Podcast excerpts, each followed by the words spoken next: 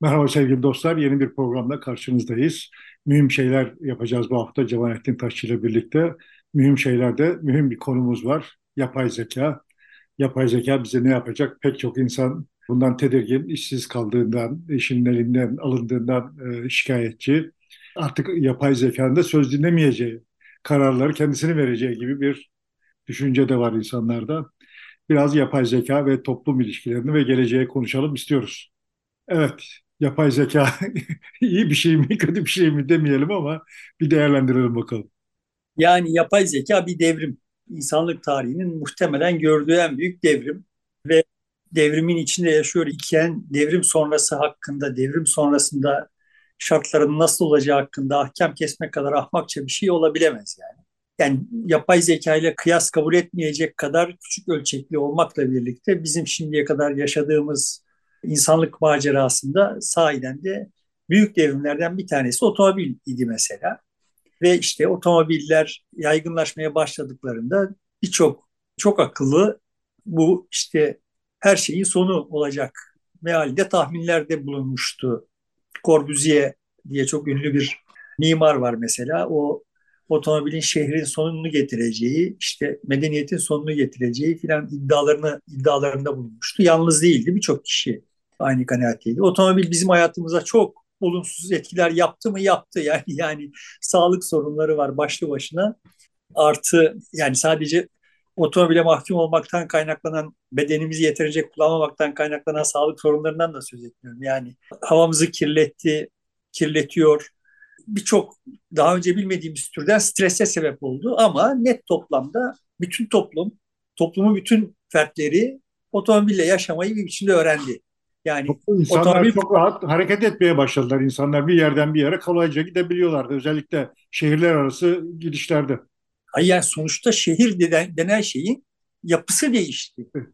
Ve işte mesela Corbusier işte Paris'te böyle teknik otomobiller görülmeye başladığında ortaya çıkan kazalardan yola çıkarak otomobil sayısının artmasıyla birlikte kazaların geometrik olarak artacağı hesaplarını yapıp böyle öyle de bir tehdit üretmişti. Öyle olmadı yani. Otomobil kullanan kullanmayan herkes otomobille yaşamayı öğrendi. Yani sınırsız sayıda temas oluyor her şehirde yayalarla otomobiller ve otomobillerle otomobiller arasında. Ama şehirler içinde, şehir içinde o kadar çok sayıda kaza olmuyor. Yani milyarlarca temas var, trilyonlarca temas var yani. Ama öğrendik ve bunu herkes öğrendi. Yani bunu öğrenebilmek için böyle çok üstün zekalı, iyi eğitim görmüş falan falan olmak gerekmedi. Dediğim gibi otomobil yapay zeka ile kıyas kabul etmeyecek kadar küçük bir devrim ama bir devrim. Bizim senin sözünü ettiğin türden işte şehirler arası transfer imkanlarımızı arttırdı. Bu hayattaki bütün networkleri tepe taklak etti.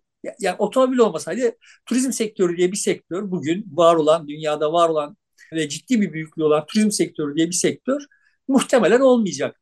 Bir sektör boyutunda bir şey olmayacak. Yani insanların bazı sınırlı sayıda insan bir takım tırnak içinde turistik geziler yapacaktı ama ya bizim bugün anladığımız anlamda turizm diye bir şey olmayacaktı. Bu ne manaya geliyor? Mesela arkeoloji bile bundan etkilenecekti yani. Evet yani vapurun ve trenin izin verdiği kadar bir seyahat ancak olabilirdi otomobil olmamış olsaydı. Evet yani o güzel bir nokta oldu. Çünkü otomobil senkronizasyon ihtiyacını ortadan kaldırıyor. Yani toplu taşımada bir senkronizasyon zarureti var. Şu saatte kalkacak vapur, şu saatte tren kalkacak, şu saatte şurada olacak. Dolayısıyla kendini ona göre ayarlaman gerekiyor. Halbuki otomobil bu senkronizasyon problemini ortadan kaldırdı. Bu senkronizasyon problemi ortadan kalkınca yığınla şey ona bağlı olarak değişti ve böyle her şey birden değişti. Devrim dediğin şey zaten bu yüzden devrim. Her şeye sirayet ettiği için devrim, her şeyi değiştirdiği için devrim. Hani sadece basit bir misal olarak turizme misal verdim. Ama işte sağlık sektöründe uğraşılan problemlerin büyük bölümü otomobil olmasaydı olmayacaktı. Olumlu yanları ve olumsuz yanlarıyla konuşmaya çalışıyorum. Mesele şu, bütün bu olumsuzluklarıyla olumsuz sonuçlarıyla birlikte yaşamayı öğrendik. Şehirlerimizi çirkinleştirdi mi? Çirkinleştirdi. Şehir içinde daha öncesinde standart olan yaya transferini zorlaştırdı mı? Şimdi kaldırımlarda park etmiş otomobiller yüzünden hem estetik kaybına hem yaya olarak hareket sınırlanmasına maruz kalıyoruz vesaire. Bir yıl olumsuz sonucu var ama bu olumsuz sonuçların pek çoğunu görüyoruz. Aslında olumlu sonuçların pek çoğunu da görmüyoruz. Sadece yaşıyoruz yani. Yapay zekada da tablo böyle olacak. Yani bu bir devrim. Henüz de başındayız. Yani şu anda patlama halinde kamuoyuna e, dağılıyor bu ama yani işte tam da Corbusier'in Paris sokaklarında ilk otomobilleri gördüğü zamanki haldeyiz yani şimdi. Bu toplumun bütün faaliyet alanlarına nüfuz edecek, her faaliyet alanını tepe, tepe taklak edecek, değiştirecek olan bir şey ve ne yapacak? Otomobil o dönemde nasıl bir dünyaya sebep olacağını tahmin edemezdik. Şimdi de eğer otomobilsiz olsaydı dünya bugünkünden hangi açılardan ne kadar farklı olacaktığı dökümünü yapamayız yani. O kadar çok değiştirdi, o kadar her alanı değiştirdi yani. Dolayısıyla şimdi böyle hani bizi yapay zeka acaba bizi nasıl bir dünyaya götürüyor diye bir tahminde bulunacağız diye seyredenler varsa hemen şimdi terk edip gidebilirler. Çünkü öyle bir tahminde bulunamaz. Ben bulunamam değil yani. Kimse bulunamaz ama bulunuluyor. Genel olarak da çok negatif tahminlerde bulunuluyor. Yani Harari'sinden bilmem yapay zekanın nasıl diyeyim müellifleri denen adamlara kadar herkes aman ha çok dikkatli olunsun ha falan falan gibi geyikler zırvalıyorlar. Çok dikkatli olunsun dedikleri zaman bu çok dikkatli olunsuna yani benim aslında bu konuyu konuşmak istememin esas sebebi orada. Bu çok dikkatli olunsuncuların genel şeyi şu. Ya bunu bir denetleyelim yani. Yani bir, bir şey kuralım. Bir üst kurul kuralım. yani şey gibi, rütük gibi bir üst kurul kuralım. O bunu denetlesin böyle yani her aklına gelen aklına geldiği gibi filan en trajik yapılabilir en trajik iş bu olacak eğer yapılırsa. Yani yapay zekayı denetlemek de ayrı bir yapay zeka gerektirir muhtemelen. yok yok.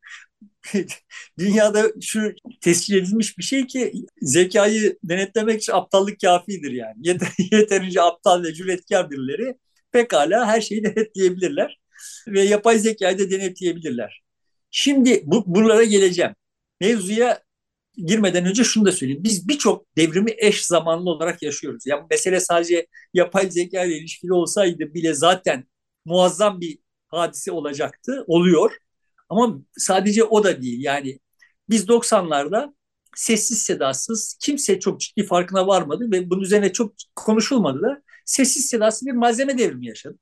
Yani mimarlar bilirler yani 80'lerin sonunda mimarlar, dekorasyon yapanlar falan bilir. Sonuçta 80'lerin sonunda kullanabilecekleri malzeme repertuarı ile 90'ların sonunda şimdi derde filan kullanabildikleri malzeme repertuarı arasında radikal bir fark var. Bu sadece mimaride gerçekleşen bir şey de değil. Hemen hemen her alanda. Yani otomobil teknolojisinde de olağanüstü farklı malzemeler kullanılıyor. Yani dokumada bile kullanılan şeylerin e, seçenekleri arttı. Dolayısıyla böyle sessiz sedasız bir devrim yaşadık ve bunun çok pozitif sonuçlarını gördük. Aslında piyasaya olağanüstü para basıldığı dönemlerde enflasyonun olmamasının sebeplerinden bir tanesi o malzeme devrimi sebebiyle iddia ediyorum yani bunu. O malzeme devrimi sebebiyle daha öncesinde çok daha yüksek maliyetlere mal olan şeylerin çok daha ucuza üretilebilir olması oldu. Yani enflasyonun gerekçesi olarak para arzı arttı ama maliyet enflasyonu düştüğü için enflasyonun arkasındaki maliyet baskısı düştüğü için bunlar dengelendi diye düşünüyorum. Başka faktörler de oldu. Yani paranın büyük partiler halinde transfer olması vesaire gibi. Yani Ve orada paranın... ben bir şey anlayamadım. Malzeme devrimiyle yani e, malzemenin çoğalması, sayının artması ile malzeme devrimi arasındaki fark nedir ya da ilişki ne? Ha ya mesela 80'lerde ahşap kullanılıyor idi ama şimdi evlerde ahşap görünümlü olarak kullandığımız şeylerin hiçbirisi ahşap değil. Halbuki o ahşap olduğu zaman ciddi bir maliyeti vardı. Onda birine, yirmide birine ahşap görünümlü bir şeyler Ayrıca hem maliyet vardı hem de ahşap üretmek ve bulmak o kadar da kolay değildi. O kalifiye. O yüzden maliyet. Evet. O yüzden maliyetliydi yani. Bir kıtlık vardı. O kıtlık ortadan kalktı. Dolayısıyla bizim 80'lerden sonraki zenginliğimizin sebeplerinden bir tanesi de sonuçta küreselleşmenin yarattığı bir zenginleşme var. İlave olarak da bu malzeme devriminin de etkisi var yani. Şimdi biz o malzeme devrimini bile gölgede bırakacak bir başka malzeme devriminin eşiğindeyiz bu nanoteknolojiyle falan. Buna işaret etmeye çalışıyorum. yani malzemeyi çok daha istediğimiz gibi, istediğimiz şeyden istediğimizi üretebilir hale geleceğiz. Dolayısıyla doğal kaynaklara bağımlılığımız vesaire falan çok düşecek. E, bunun eşiğindeyiz. Eşiğini atladığımız bir başka hadise var. Henüz emeklemeye başladık. Genetik devrim. O da çok büyük ölçekli bir devrim. Yani insanlık tarihinin kendi başına bakılacak olsa en büyük devrimlerine devrimi sayılabilecek büyüklükte bir devrim. Onda da henüz emekleme aşamasındayız böyle. Şimdi çok ürününe maruz kalıyoruz ama çok başındayız yani. Şimdi bunun bunların ikisini de ve başka devrimleri de gölgede bırakacak büyüklükte bir devrim bu yapay zeka. Çünkü ötekileri de etkileyecek. Yani hem nanoteknolojiyi hem genetiği hem her şeyi etkileyecek. İletişiminden işte sağlığına her konuyu tepeden tırnağa değiştirecek. Burada şimdi üretiliyor olan kaygılar Siyasi partileri de değiştirecek mi? Siyaseti de değiştirecek mi? Siyaset, siyaset tepeden tırnağa değiştirecek. yani, değiştiriyor zaten. Ee, şimdi hani sadece bir misal olsun diye söylüyorum. Yoksa çok daha ciddi insanlar çok daha ciddi dillerle böyle bu kaygıları üretiyorlar ama sadece misal olsun diye ben Ümit Kıvanç geçenlerde gazete duvarda bildiğimiz insanlığın sonu diye bir yazı yazdı ve böyle işte sahiden başlığını ima ettiği gibi yani bu iş bitti artık. Bu yapay akıl eğer denetlenmezse yapay zeka eğer denetlenmezse işte bizim bildiğimiz her şeyin sonu ve tabii bu bizim bildiğimiz her şeyin sonu derken de çok kötü şeyler manasına söylüyor yani. İşte daha önce sözünü etmiştik zannediyorum serbestiyette yapay zekaya yazdırılan köşe yazıları var mesela. Onu filan böyle ne kadar adice bir şeymiş filan diye o imalarla ifade ediyor. Şimdi okurken ben kendi içimden çok güldüm. Çünkü benim bildiğim Ümit Kıvanç zaten bildiğimiz insanlıktan da hiç memnun değildi. Yani, yani Sırtlanların insanlardan daha iyi olduğuna dair kesin bir kanaati var idi. Mesela şimdi Ümit Kıvanç'a tabii kaygı lazım değil. O yani biz yapay zeka yapmasak niye yapmıyoruz diye de kaygılanır. Kaygılanacak hiçbir şey kalmasa niye kaygılanamıyoruz diye kaygılanır. Yani sonuçta o bir kaygı kaynağı yani. Ama kullandığı argümanlar işte ana hatları itibariyle bildiğimiz insanlığın sonu. Evet bildiğimiz insanlığın sonu bu. Bu bir devrim yani. Şimdiye kadar her ne biliyor idiysek, siyasette dahil olmak üzere her ne biliyor idiysek bu gündemden kalkacak. Bambaşka bir dünyaya geçeceğiz ve burada evet şimdi ilk akla geliyor olan şey iş kaybı. Otomasyonla işler kayboluyor idi. Onlar, onlardan kaygılanıyor idik. Ama onlar başkasının işleriydi yani alt sınıfların işleriydi. Şimdi yapay zeka ile birlikte bizim elit işlerimiz tehdit altında, elit işlerimiz de tehdit altında. Diğerleri de zaten tehdit altında. Bu, hususta söyleyeceklerimi de, defalarca söyledim. Burada tekrar özetleyeyim. Ben insanın dünyaya çalışmak için geldiğine inanmıyorum. Dolayısıyla iş kaybı benim için problem değil. İş kaybına bağlı olarak gelir kaybı problem. Ama yapay zekanın ve otomasyonun iş kaybına yol açtığı bir ekonomi şu manaya geliyor. İnsan emeği olmadan üretimi sürdürebiliriz ve daha ucuza sadece emekten tasarruf değil mesele. Yani insanın yaptığı hataları yapmayan, dolayısıyla üretimde defoya sebep olmayan vesaire cihazlar artı insandan daha hızlı çalışan cihazlar nedeniyle biz daha düşük maliyetle daha çok üretim yapabiliriz. Bu teknolojilerin devreye girmesiyle. Sonuçta eğer bize bu gelir verilmeyecekse işini kaybettiği için gelirini kaybetmiş olanların ilave başka bir gelir kaynakları olmayacak ise o üretimin bir manası yok. O üretimin yapılabiliyor olması üretimi yapanlar için ancak tüketilirse bir mana taşıyor. Dolayısıyla bu gelir kaybının bir biçim önüne geçilecektir. Yani iktisadın e, insanların sayısını azaltacaklardır. Çok cüzi bir rakam, yüzde on, on beşlik bir nüfus kendi aralarında mutlu bir şekilde yaşayacak da diyebiliriz hiç kimsenin işine gelmez insanları azaltmak. E, yani Microsoft'un patronun işine gelmez. Adam Afrika'ya, Afrika'daki az gelişmiş kabilelere bilgisayar satmaya çalışıyor ki Microsoft ürünü satacak. Dünyada herkesin idrak etmekte zorlandığı temel şey şu yani. Kıtlık ekonomisinden çıktık, bolluk ekonomisine geldik. Bolluk ekonomisi şu demek, her şeyi çok daha büyük miktarlarda ürettiğimiz zaman ekonomik oluyor demek. Bu çok daha büyük miktarlarda tüketilmesi gerekiyor demek. Dolayısıyla daha çok nüfus lazım. Yani daha az nüfus yani, lazım. Üreten makine aynı zamanda tüketen bir makineye de dönüşebilirse belki ekonomi çalışır ama o zaman da bir anlamı yok. Yok yani makine tüketecek neyle tüketecek yani ona da para verilmesi gerekiyor. Makineye vereceğine bana verir yani. Bu iş kaybı dediğim gibi benim için herhangi bir şekilde problem değil. Gelir kaybı kesin bir problem. Gelir kaybı zaten çok baskın bir problem ve giderek derinleşiyor. Ve dünyanın her yerinde aslında bu gelir kaybını telafi etmek için işte tırışkadan işlerden başlayıp sosyal yardımlara kadar çok geniş bir yelpazede abuk sabuk mekanizmalar geliştiriliyor. Ama hep ana hatları itibariyle istihdamı koruma ve en alt tabakada kalanları koruma gibi bir şeyle yapılıyor bu iş. Bu bunun sürdürülemez olduğu kanaatindeyim. Ben benim kanaatim bu yani. Dolayısıyla sonuçta ileri bir tarihte olmamak kaydıyla temel gelire geçilecek diye düşünüyorum. Bunu da defalarca söyledim. Şimdi de söyle, tekrarlamış olayım. Şimdi do, dolayısıyla iş kaybı falan falan benim açımdan bir problem değil.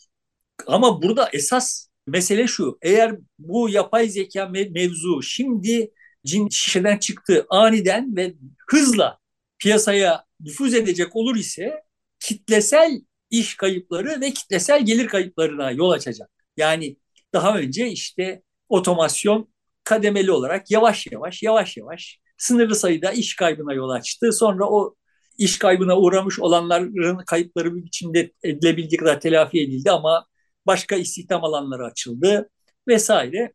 Ve bu yedirile yedirile buraya kadar geldi. Ama eğer yapay zeka böyle aniden birsel gibi basacak olursa ortalığı ki ümit ediyorum öyle olacak. Yani Ümit Kıvançların, Hararilerin falan falan aksine ümit ediyorum ki öyle olacak. Bu kitlesel bir iş kaybına sebep olacak. Neden bunu ümit ediyorum? Çünkü kitlesel bir şekilde iş kaybına sebep olursa ekonominin durmasının önüne geçmek için tek yol radikal kararların verilmesi olacak. Yani böyle palyatif, pansuman tedbirlerle yol alınamaz olacak. Zaten şu aşamada çalışan nüfus çalışmayana göre çok fazla değil. O da tırışkadan işler olduğu için yarısında çalışmasalar da mümkün. Dolayısıyla yani çalışanların sayısı az gibi geliyor. Yani çalışıyormuş gibi görünüp de işsiz olan çok insan var. Ya ben geçen de kendi blogumda yazarken fark ettim. Muhtemelen yani şimdi elimde istatistikler yok. Muhtemelen şu anda dünyadaki sporcu yani profesyonel sporcu sayısı tarımdan geçinen nüfustan daha fazladır yani. Yani bunu şimdi Darwin'in mesela tahmin etmesi veya Marx'ın tahmin etmesi imkansız bir şey ya. Yani düşünebiliyor musun? Nüfusun yüzde yüzünü doyurabilmek için en az yüzde altmışının tarımda çalışması gereken bir dünyada yaşıyorsun. Yani böyle kan terleyerek çalışacaklar. Günde 16 saat çalışacaklar. Yılda 4 ay da olsa. Ama günde 16 saat çalışacaklar. Ancak hepimizi doyuracaklar. Böyle bir dünyada yaşıyorsun ve öyle bir çağ gelecek ki orada tarımda çalışanlar, tarımdan geçimini sağlayanlardan daha çok sporcu olacak dünyada yani. Evet. Ve yani evet böyle bir dünyada yaşıyoruz. Bu zamana yayılmış devrim min nasıl bir şey olduğunu en şık göstergelerinden birisi bu yani. Yani Darwin'in döneminde spor diye bir şey yani spor var var idi elbette hani bir takım festivallerde şurada burada bir takım ama yani bir sektör olarak spor zaten tasavvur edilebilir bir şey değil. Şimdi bize son derece normal görünüyor ve iyi ki var.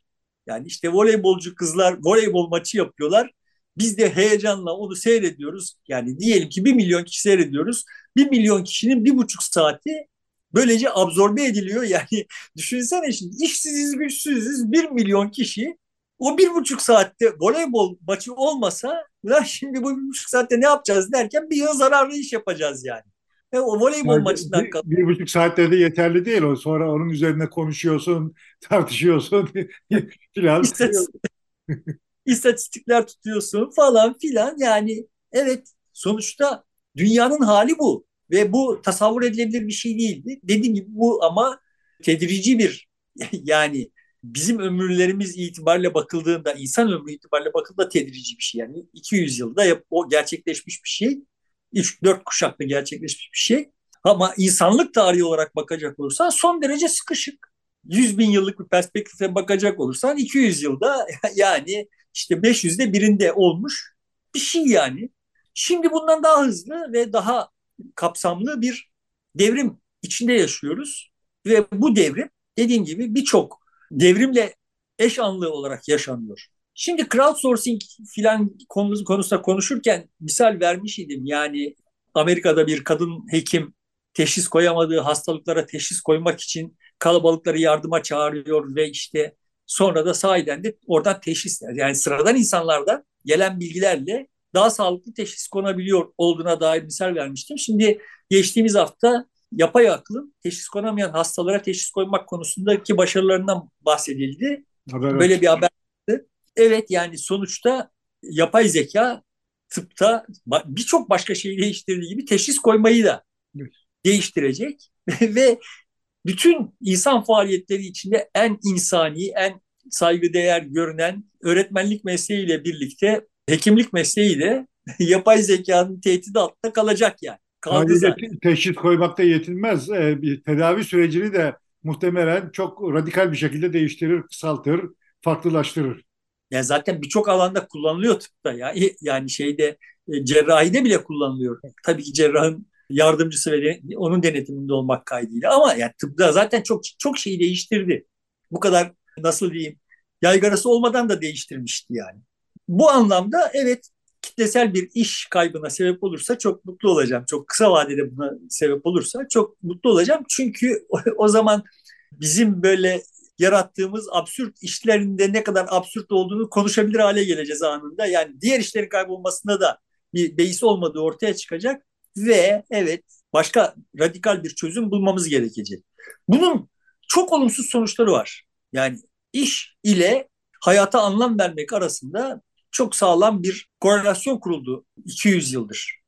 yani bugün bizim anladığımız anlamda iş dediğimiz şey de o kadar çok eski bir şey değil. Yani insan hep iş yapmak zorunda kaldı ama bizim bugün anladığımız anlamda ücretli iş dediğin şey o kadar çok eski bir şey değil ve birçoğumuz için sahiden de hayatımıza anlam katan şey yaptığımız işlerdi. İşimiz ve onu iyi yapmak idi. Dolayısıyla orada ciddi bir boşluk ortaya çıkacak. Çıkıyor da zaten. Birinci sıkıntısı bu olacak. Bunun dışında yani işte demin sözünü ettiğim türden boş zamanın artması benim açımdan medeniyetin en temel göstergesi odur. Boş zamanın artmasıdır ama boş zamanın artmasının da yarattığı muhtelif sosyolojik ve psikolojik sorunlar var. Bunlarla baş etmekte de zorlanıyoruz. Şimdi benim derdim şu, bu bir devrim derken kastettiğim o. Devrimden sonra şartlar öyle değişmiş olacak ki insanlar işe bizim baktığımız gibi bakmadıkları için devrim sonrası insanlar işle ilişkileri bizim ilişkimiz gibi olmadığı için onlar için bizim şimdi öngördüğümüz problemler olmayacak. Biz buradan bakınca ama olur mu canım şimdi adam işsiz kalırsa falan diye başlıyoruz. Ya adam işsiz kalırsa yani evet bunun ailesinin tırnak içinde düzeni de dahil her şeye etkisi var. Bizim yetiştiğimiz kavram haritasının içine bu böyle. ama bunda iki nesil sonra öyle olmayacak. E ama bütün yükü bizim nesil mi çekecek? E her nesil kendi yükünü çekmiş. Bu nesle düşen de bu yani. Bu anlamda bunun e, böyle hani süt liman bir dünya, pes pembe bir dünyaya falan falan sebep olacağı gibi bir iddiam yok. Kimse yanlış anlamasın. Ama bu engellenebilir, durdurulabilir bir şey değil. Bunu nasıl durdururuz? Veya şimdi oraya gelelim. Nasıl kontrol ederiz diye düşünmeye başladığımız zaman sahiden kendi ayağımızı kurşun, ayağımıza kurşun sıkıyoruz. Çünkü bu devrimi devrim yapan en önemli özelliği bunun olağanüstü difüze olmuş olması. Şimdi yani mesela otomobil bu o hızla difüze olmadı. Bir de otomobil, hiçbir... otomobil diyelim 20 yılda, 30 yılda, 50 yılda yayıldıysa e, bu teknoloji 3 yılda, 5 yılda yayılıverdi. Hayır, internet mesela şimdi bunun en yapay akıllı teknolojik ortak pay, paydası da olan bir şey olarak yani herkesin hayatına anında girdi. Benim annem daha önce söz etmiştim. Yani 90'ındaki kadın ömrü boyunca biber dolması yapmış olan kadın ya bu sefer farklı bir şey yapayım deyip internete girip biber dolması tariflerini okuyor yani. Yani şimdi bu anlamda annemin yemekle ve komşularıyla ilişkilerini alt üst eden bir şeyden söz ediyoruz. Ama buna uyum sağlanıyor ve burada buna uyum sağlanırken de kimse şu interneti kontrol edelim burada biber dolması tarifleri şu standartlara uysun falan falan gibi abukluklar yapmadığı gibi kimse anneme gel bakayım sana internet öğreteceğim de demedi. Kimse o biber dolması tariflerini internete yükleyenlere de bir eğitim vermedi. Ve hiç kimse de interneti aynı verimlilikle kullanmıyor. Herkesinki farklı. Herkes farklı şey, amaçlarla, farklı alanlarda yüksek performansla kullanıyor. Senin çok iyi kullandığın alanda ben internetin bir hizmet sağladığının bile farkında değilim. Benim çok iyi kullandığım yerlerde de sen internette öyle bir şeyler olduğunu bilmiyorsun. Filan yani dünya böyle yani. Bu hep böyleydi. İnternette de böyle. Dolayısıyla böyle bir merkezi örgütlenme yapacağız. O merkezi örgütlenme bizim başımızın belaya girmesine mani olacak. Yani gibi şeylerle sadece başımız daha fena belaya sokulur. Bu husus ekstra önemli yani. Çok difüze olmuş ve hızlı bir şey, biçimde difüze oluyor olan bir alandan söz ediyoruz. Kimin nerede nasıl katkı yapıyor olduğunu da takip etmenin imkanı yok yani. İnternette olduğu gibi. Yani internetin bir mucidi yok ve internete bir katkıda bulunmak söz konusu olduğunda bunlar kimlerdir? Nasıl katkıda bulunuyorlar? Bunları da bilmiyoruz yani. Yapay zekada da olay böyle gelişiyor, gelişiyor ve iyi ki böyle gelişiyor. Ama şimdi yapay zekayı bilenler, anlayanlar, küçük bir elit falan bak öyle değil olay ve iyi ki öyle değil. Bu şu manaya gelmiyor. Hepimiz yapay zekadan aynı ölçüde anlıyoruz manasına gelmiyor. Anlamıyoruz. Ama bu en çok 10 yıl içinde e, tıpkı şimdi internet olduğu gibi internette olduğu gibi 10 yıl içinde sıradan insanın hayatının sıradan bir parçası olacak. Peki bu yapay zekayı üreten bir grup şirket e, buna hakim olur ve kendi amaçları için kullanırsa bu bir sorun oluşturmaz mı? Sorun oluşturur. Sorun orada oluşur işte. Yani bir tekel veya yani duopol vesaire falan falan bir merkezden kontrol edildiği anda sorun oluşturur biz erişemez hale geliriz. Biz erişemez derken kastım şurasına burasına müdahale edemez hale geliriz. Yani bunu herkes kafasında şeyi canlandırabilir. Yani internet böyle olsaydı, internet yukarıdan bir otorite tarafından kontrol edilir olsaydı ve bu otorite tamam bakayım sen şu videoyu internette yayınlamadan önce, internet üzerinden yayınlamadan önce bana yollayın. Ben bunu kontrol edeyim falan de, diyor olsaydı internet olmayacak. İnternet diye bir şey olmayacaktı çünkü hiç, hiç kimse bütün yayınları kontrol edecek kabiliyet, kapasiteye ulaşmayacaktı yani. Şimdi teknik olarak bakınca evet bütün bu yayınlar yapay zeka tarafı 10 yıl sonra mesela bütün bu yayınlar yapay zeka tarafından kontrol edilebilir olacak. Ve bu aklı evvellerin akıllarıyla bakıldığı zaman o zaman şimdi herkes her yayınını yapmadan önce bir merkeze bunlar yüklenecek ve herkes her aramayı yapmadan önce de ya sen şimdi bu aramayı yapmaya ehil misin, yetkili misin filan falan diye bir yapay, yapay zeka, kontrol altındaki bir yapay zeka, yani böyle programlanmış bir yapay zeka bütün bu sistemi kontrol edebilir. Bunun nasıl bir kabus olacağını tam, e, tarif etmeye lüzum olduğunu zannetmiyorum yani.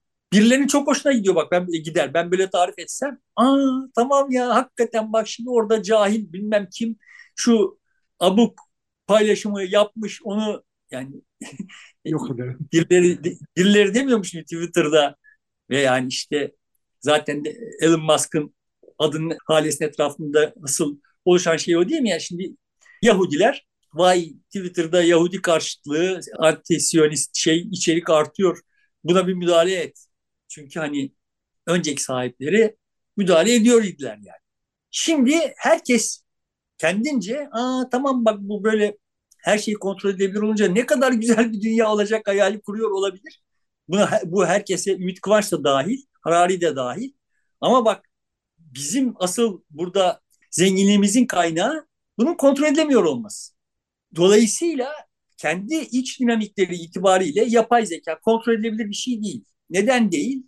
Bilgi yani yapay zeka denen şeyi geliştirme ile ilgili bilgi birikimi çok çok yaygın. Yani Kenya'da birileri de bunu biliyor. Kenya'da birileri otomobil üretmeyi bilmiyordu. Türkiye'de birileri de otomobil üretmeyi bilmiyordu. Biz 60'ta işte yani biliyor isek de bilmiyor olduğumuzu düşünüyor idik ve buradan bir aşağılık kompleksi üretiyor idik. İşte 60'ta devrimi yaptık ve hala bunun geyiğini yapıyoruz değil mi? Yani orada bize ah uluslararası bilmem hangi tezgahlarla şu olmasaydı filan geyi yapıyoruz. Otomobil yapmak o kadar marifet gerektiren bir şey değildi. O, o know-how vardı. Ama son derece sınırlı bir grubun elindeydi. Şimdi burada tablo böyle değil. çok daha geniş kesimler, çok sayıda insan bunları biliyor. Bunları nasıl geliştirildiğini ve yeniden geliştirilebilir olduğunu biliyorlar. Yani. Elbette birileri başkalarına kıyasla burada nasıl diyelim bizi manipüle etmek konusunda daha çok imkana sahip ama o da çok hızla çözülebilecek bir şey. Burada sıkıntı eğer ya bir dakika bunu kontrol edelim, kontrol edilsin diye denir ve devletlere veya devlet üstü bir devlete bu konuda bir güç aktarılırsa buna ha diyecek, alkışlayacak 40 yaş üstü çok fazla insan var dünyada. Şimdi bıçak üretildiğinde bıçağı kimi kullanacağı, hangi amaçla kullanacağı bilinmiyordu. Sen ekmek kesmek için kullanırsın, birisi de adamı yaralamak için kullanır.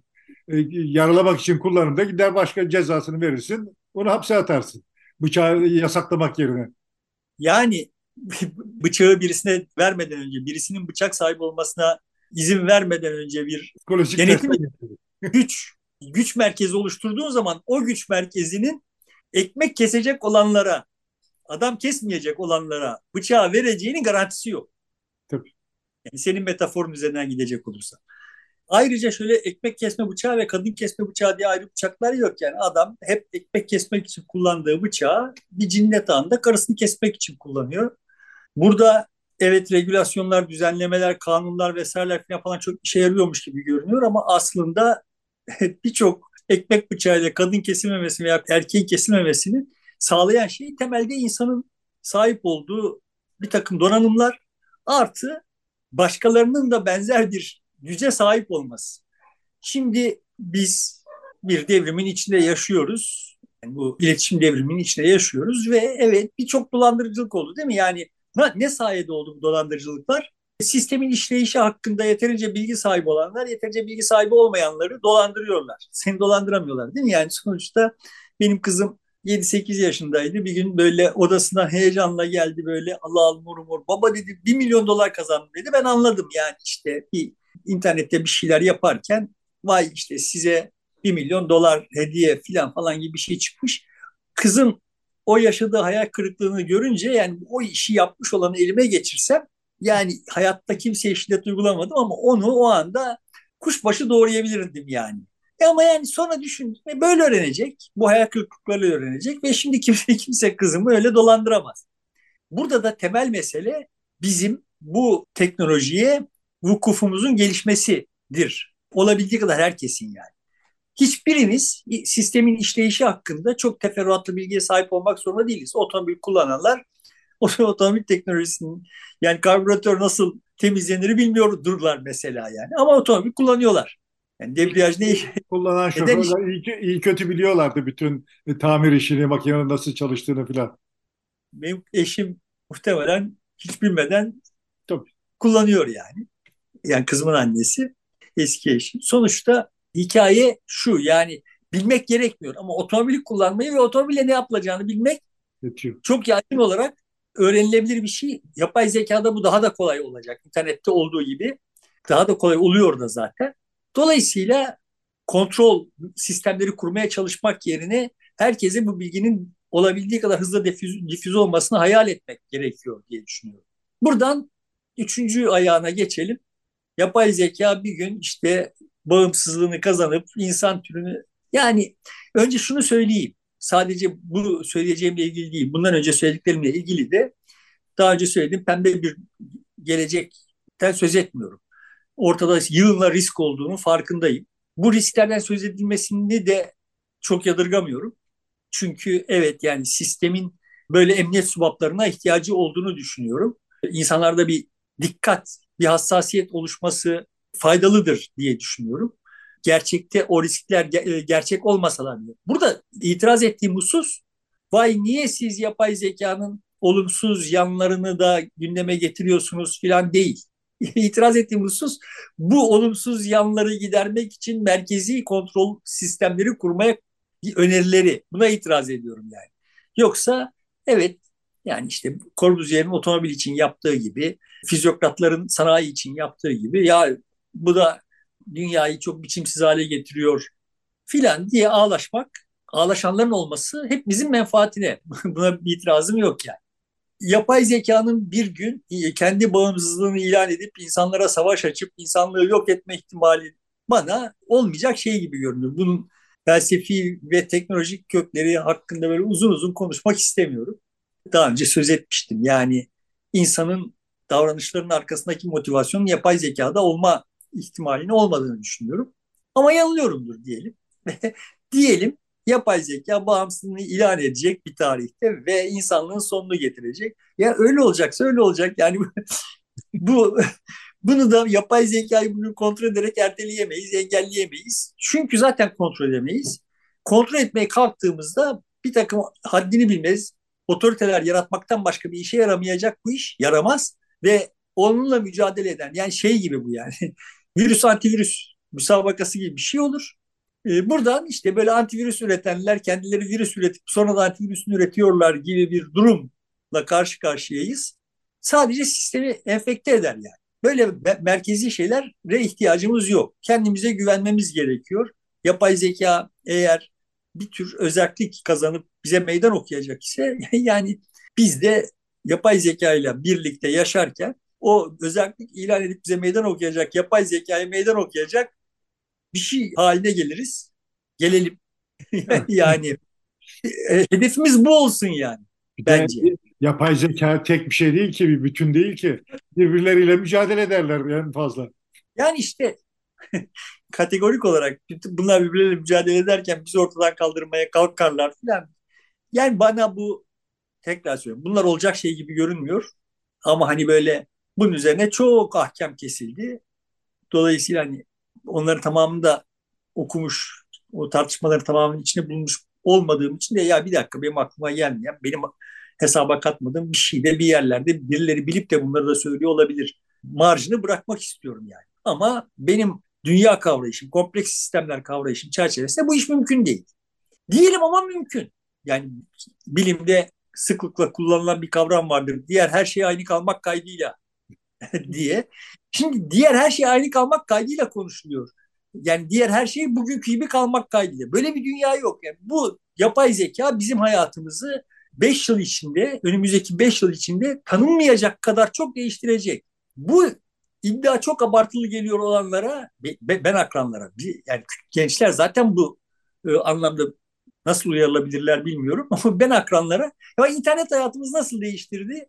İyi düşünün. Tamam yani 5 yıl içinde vakit geçirme şeylerimiz değişti. Yani şu anlamda söylüyorum.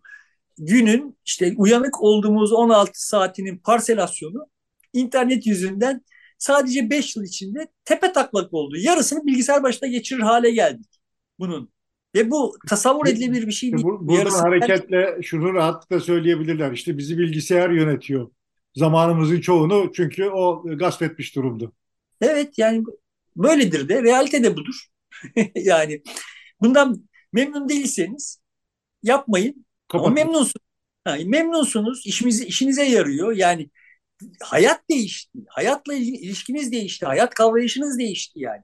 Yapay zekada da böyle olacak. Yani bugünün şartları geçerli, diğer şartların hepsi geçerli olacak da şimdi oraya bir de böyle küt diye bir yapay zeka gelecek neydi belirsiz. Böyle bir dünya değil yani.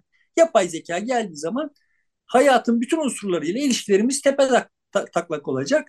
Buna uyum sağlayabildiğimiz ölçüde sağlayacağız. Yeni gelen nesiller zaten onun içinde doğmuş oldukları için ona bağışık olacaklar ve hakim olacaklar ona. Yani işte görüyorsun değil mi senin oğlun benim kızım mesaj yazarken yani senin daktilo yazma hızından daha hızlı yazıyorlar yani o kadarcık şeyde klavyede. Akıllı telefon klavyesinde. Kimse bunlara bunu öğretmedi. Yani böyle formel bir eğitimden geçip de falan falan olmadı bunlar yani. Buradan sonrası da böyle olmayacak. Böyle merkezi bir takım örgütlenmelerle falan böyle aklı kafanıza göre bir yapay akıllı entegre olduğu dünya falan falan kurmanın alemi yok. Yani o, o bizi formatlayacak. Evet biz böyle formatlana geldik hep. Senin dediğini anlamış olarak konuşuyorum. Sonuçta biz hayvanları evcilleştirdiğimiz zaman hayvanlara bağımlı olduk. Eskiden değildik. Dağ tepe geziyorduk. Ne bulursak avlıyorduk. İşte kök topraktan kök çıkarıyorduk. Karnımızı doyuruyorduk. Çok bağımsızdık yani. Ama hayvanları evcilleştirdik. Onların hızı kadar hareket edebilir hale geldik. o hareket kabiliyetimizi kaybettik. Bu yani bu özgürlük kaybı mı? Özgürlük kaybı. sonuçta başka bir şekilde özgürleştik. Öyle değil mi? Yani sonuçta iklimin keyfi çevrimlerinden etkilenmeyecek şekilde kendi erzakımızı üretip stoklayabilir ve işte gıda bulamadığımız zamanlarda da beslenebilir filan olduk. O şekilde de başka bir şeyden yani, özgürleştik. E, orada da mesela biz çalışmak yerine evcilleştirdiğimiz hayvanları çalıştırdık. Biz de onunla birlikte çalıştık. Yani ama kendi çalışmamız azalmış oldu. Ya da bizim çalışmamıza katkı sağlayan birileri daha çıkmış oldu. Yani aynı miktarda çalışıp beş katı fazla üretim yapar evet. olduk gibi yani. Sonuçta tablo böyle bir şey. Sonrasında da uzun bir maceranın sonunda da çalışan nüfus, tarımda çalışan nüfus kadar sporcu besleyebilir olduk yani. İnsanlık olarak bu hale geldik. Yani evet bunların hepsi ne bağımlıyız. Bilgisayara bağımlı olduğumuz, internete bağımlı olduğumuz gibi bir özgürlük kaybı var. Başka yerde başka özgürlüklere sahibiz. Dünyanın dört bir yanında ne olduğundan haberdar olabiliyoruz. Ve bunları bir takım tırnak içinde editörlerin süzgecinden geçmeden haberdar olabiliyoruz. Filan yani şimdi böyle bir özgürlük kazandık. Peki bu süreci mevcut yönetimler, iktidarlar, devletler engellemek için, geciktirmek için olağanüstü çaba harcayabilirler mi? Engel olabilirler mi? Yok bence devletler tam tersine bu süreci kontrol eden taraf olmak istiyor. Yani şimdi mesela Çin'de işte bunun çok ekstrem örnekleri yani o yüz tanıma sistemleri filan falanlar Çinlilerin davranışlarını kontrol etmeye kadar gitti ve bütün devletler hızlı bir biçimde buna hevesliler. Dolayısıyla devletler bizden bir adım öndeler ama bir adım öndeler. Bundan önce üç adım öndeydiler. Yani burada e, devletlerin elinde bu gücün olmasının da abartıldığını düşünüyorum. Bundan önce devletler şimdi bizim devletimizin yaptığı gibi herhangi bir şeyi ispatlamak zorunda hissetmiyor kendisini. Yani Celal'i içeri atmaya karar, karar vermiş ise Celal'e bir suç isnat ediyor. Ve yani Celal'in yapacak bir şeyi kalmıyor idi yani. Ya işte ilkokul kitaplarında ne yazıyor ise, ortaokul kitaplarında ne yazıyor ise ona iman etmek zorundaydı gibi. Devletler bundan önce de çok güçlüydüler. Şimdi o kadar güçlü değiller ama bu teknolojiyi sıradan insanlardan daha yoğun ve daha bilinçli bir biçimde kullanmak konusunda evet bizden bir adım öndeler. Peki bu yüzden devleriyle devletlerin buluşması, birleşmesi nasıl bir sonuca yol açabilir kendi çıkarlarını öncelemek için? Burada teknoloji tekelleri olmayacak diyorum. Şimdi şu an hali hazırda 5-6 kurum diğer kurumlardan biraz daha öndeymiş gibi görünüyor. Ama mesele internette olduğu gibi olacak. Hiç kimse burayı devletle işbirliği yapsa da yapmasa da burayı kontrol edemez olacak.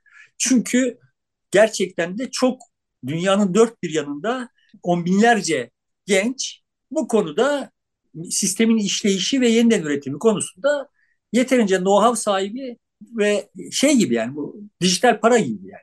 Devlet bunu kontrol etmek için mücadele edecek ama sıradan insanlar yeterince güçlüler. Daha da güçlenmelerini teşvik etmemiz gerekiyor. Benim derdim burada. Sıradan insana güvenmemiz gerekiyor. Yani merkezi otoritelere değil, devletin bu konuda tekelci bir pozisyon almaya çalışması çalıştığını görüyoruz zaten devletler. Ve o yüzden korkuyorum yani. Bu ben akranlar yaygara koparıp tamam yani işte bir tane merkezi otorite olsun yoksa yapay yakıl ne, bu başına alıp giderse filan falan yapay zeka özgür, özgürleşirse filan kaygılarıyla abuk sabuk şeylerle devletlerin bu denetim mekanizmasını kurmalarına ön ayak olabilirler. Biz çok daha sancılı bir süreç yaşayabiliriz. Sonuçta yine toplum kazanır kanaatimce de ama bir sıkıntılı dönem yaşarız. Çok sıkıntılı bir dönem olur o dönem. Dolayısıyla şimdi benim pozisyonumu özetleyerek kapatalım yani kendimce kapatayım. Yani ortada büyük bir devrim var, benzersiz bir devrim var. Bunun kapısı açıldı, henüz girdik ve çok uzun sürmeyecek.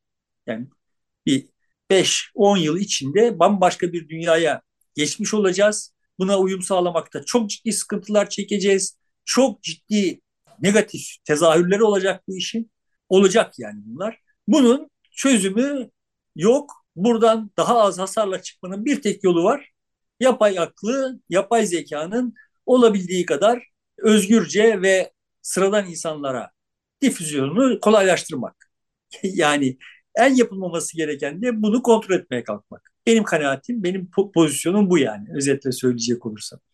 Peki o zaman burada bitiriyoruz. Sevgili dostlar izlediğiniz için, destek olduğunuz için çok teşekkür ediyoruz. Görüşmek üzere, hoşçakalın.